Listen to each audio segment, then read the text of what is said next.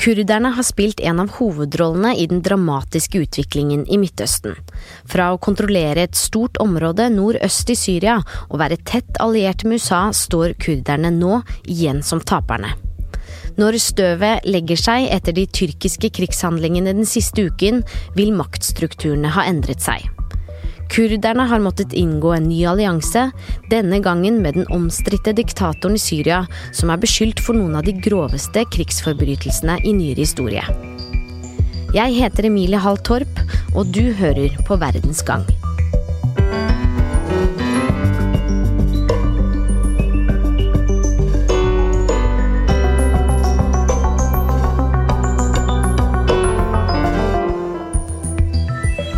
Turkey and the Kurds have been fighting for hundreds of years.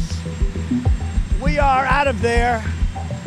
USA trakk raskt ut soldatene i Syria fra grenseområdet mot Tyrkia. Amerikanerne har kjempet mot IS side om side med kurderne nordøst i Syria. Helt til nå. Plutselig sto kurderne alene da Tyrkia startet sine angrep, og de var sjanseløse mot det moderne og slagkraftige tyrkiske militæret. De trengte hjelp. Derfor inngikk kurderne en allianse med diktatoren Bashar al-Assad. Prisen de betaler er at de mister kontroll over et landområde i Syria som de til nå har rådet over. Nilas Johnsen har vært korrespondent for VG i Midtøsten, bodd i Tyrkia og skrevet en bok om Erdogan. Hvorfor sier man at kurderne taper når de nå har fått støtte fra Assad i krigen mot Tyrkia? Det er fordi kurderne har ofret så mye blod i kampen eh, mot IS. Og eh, ved å vinne den klarte de å tilkjempe seg et eh, eget område som de kaller Rojava. Der ønsket de mer selvstyre. Isteden får de nå mindre ved at de må gi fra seg mye av makten til Assad-regimet. De måtte rett og slett gå til sengs med én fiende for å unngå å bli knust av en annen fiende. Vi har ingen venner foruten fjellene. Det er et gammelt kurdisk ordtak. Kurderne er en av de største etniske folkegruppene i verden som ikke har sin egen stat. Den kurdiske befolkningen er spredt i landene Iran, Irak, Tyrkia og Syria. Et område de selv kaller Kurdistan. I over 100 år har de kjempet for sin egen stat. I fredsoppgjøret etter første verdenskrig håpet de at de skulle få en egen stat, og det var de blitt lovet. Men det skjedde ikke. Istedenfor ble kurdernes område altså delt mellom fire land. De fleste av dem ble boende i Tyrkia. I Tyrkia har kurderne opplevd å bli undertrykt. I lange perioder var det ikke lov å bruke det kurdiske språket, og kurdiske navn blir gjort om til tyrkisk. Ja, og ikke bare det. Det gikk så langt at kurderne ble ikke anerkjent som en egen gruppe engang. De ble istedenfor kalt fjelltyrkere. Eh, og den politiske undertrykkingen varte lenge og gjennom flere tiår. Eh, og da, på slutten av 1970-tallet, så ble det forbudte kurdiske arbeiderpartiet, PKK, dannet. De begynte å kjempe geriljakriger, og det har de gjort de siste 40 årene. De tyrkiske myndighetene har slått knallhardt ned på dette selvstyreønsket. Eh, og kurderne, som i utgangspunktet er eh, fjellkrigere, da de dro inn i byene, så ble denne geriljakrigen preget av terrorhandlinger. Eh, og både Tyrkia, USA og Nato har stemplet PKK som en terrororganisasjon. Kraftig opptrapping av konflikten i Tyrkia. Selvmordsangrep mot to tyrkiske soldater. Regjeringshæren bomber PKK-anlegg. Samtidig har eh, tyrkerne begått grusomme overgrep mot eh, kurderne. De har tvangsflyttet dem. Eh, de har arrestert og fengslet tusenvis. Og det er også tusenvis av kurdere som under den skitne krigen på 80-tallet ble dratt inn i biler og forsvant. De ble aldri sett igjen. Men det mange ikke vet, er at da Tyrkias president Erdogan overtok eh, på begynnelsen av 2000-tallet, så inngikk han faktisk inn i en fredsprosess med den kurdiske gruppen eh, PKK. Og han var veldig nær ved å lykkes. Men da Erdogan så at det å danne fred med PKK kostet ham mer velgere enn han vant, så gikk han istedenfor over til å støtte seg på det tyrkiske nasjonalistpartiet, som er veldig sterkt antikurdiske. Så de siste fem-seks årene i tyrkisk politikk er blitt preget av fornyet konflikt med PKK. Og nå er det da Erdogan-regimet, altså de som startet med å love fred med kurderne da de først kom til makten. Nå er de de som slår hardere ned på kurderne enn noen andre. Så nok en gang er eh, kurderne blitt sveket. Så det var en periode kurderne øynet et håp, men så opplever de at også Erdogan svikter dem. Og denne uka har vi sett at Tyrkia går over grensen til Syria for å kjempe mot kurderne. Hvorfor gjør de det? Det gjør uh, Tyrkia av flere grunner. Det ene er nettopp det med at han ønsker uh, støtte fra nasjonalistiske velgere, uh, som da blir positivt innstilt til denne militæroperasjonen. Den blusser opp masse nasjonalisme og patriotisme i Tyrkia. Det slår veldig godt an.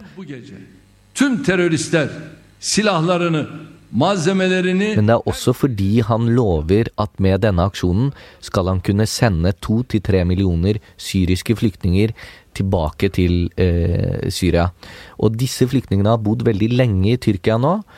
Eh, de ble i begynnelsen tatt imot med åpne armer, men da forventet man at, det, at de skulle videre til Europa. Og etter hvert som Europa stengte sine grenser og de har blitt boende eh, lenge i Tyrkia, så er det blitt stadig økende konflikt mellom flyktningene og lokalbefolkningen.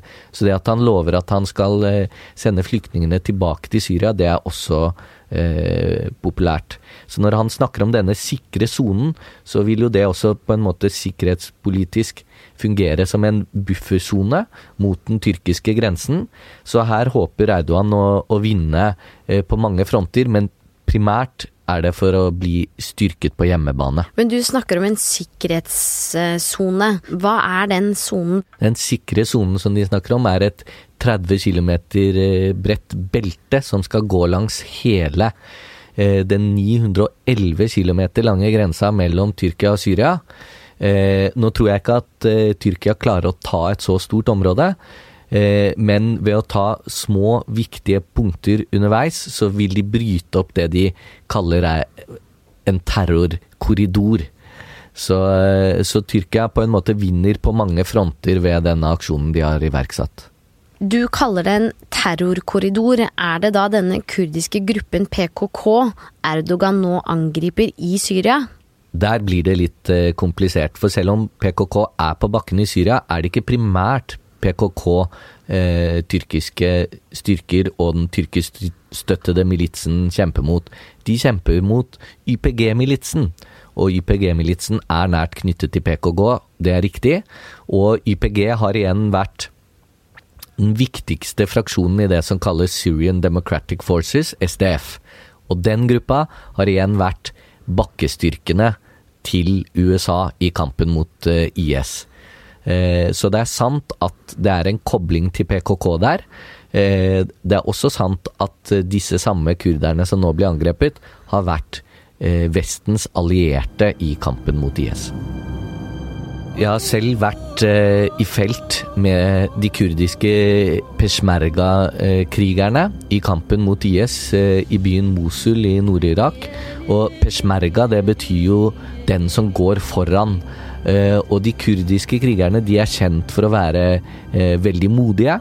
Eh, de var veldig lenge veldig dårlig utstyrt, men det er ikke tilfellet etter at de har samarbeidet med amerikanerne både i Irak og i Syria i nesten ti år. Så dette er, har vært en ganske formidabel styrke. Men det er klart at å stå opp mot den nest største hæren i Nato, eh, Tyrkia, som også har militsgrupper som de bruker, det klarer ikke kurderne. Ja, så nå får kurderne i Syria hjelp fra Assad. Hvordan hjelper Assad og hans eh, syriske regime kurderne akkurat nå? Det som skjer, er at syriske regjeringsstyrker, med støtte fra russiske soldater, har rykket inn der eh, amerikanerne tidligere sto. Eh, og det betyr at nå veiver det russiske flagget i byen Manbij. Manbij har vært kontrollert av denne kurdiske YPG-militsen, og det har vært en av de på forhånd viktigste byene for Tyrkia å få kontroll over. Ehm, men når da Assad sine styrker og de russiske soldatene har kommet dit eh, før tyrkerne, så er det et stort spørsmålstegn om Tyrkia faktisk tør å gå lenger. Fordi det Erdogan for enhver pris ikke vil, det er å havne i en direkte konflikt med Putin. Eh, så på mange måter har kurderne klart å eh, redde seg ved å inngå denne alliansen med Assad. Så det er mye som kan tyde på at i løpet av noen få dager nå, at vi ser at eh, krigshandlingene roer seg av den grunnen. da. Fordi Erdogan og Putin de er jo også venner. Til tross for at eh, Tyrkia er et Nato-land, så har de kjøpt våpen fra Russland.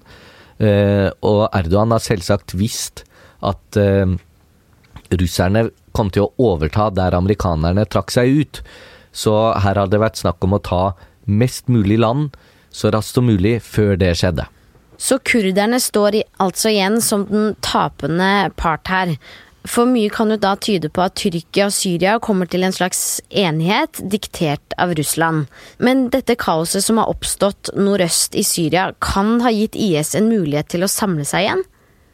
Ja, og det er noe av det aller skumleste som, med det som har skjedd. Fordi under disse krigshandlingene så har man mistet kontroll over fengsler der IS-fanger holdes. Og vi vet at i hvert fall over 1000 IS-medlemmer allerede har rømt. Eh, og IS forsøker å gjenoppstå.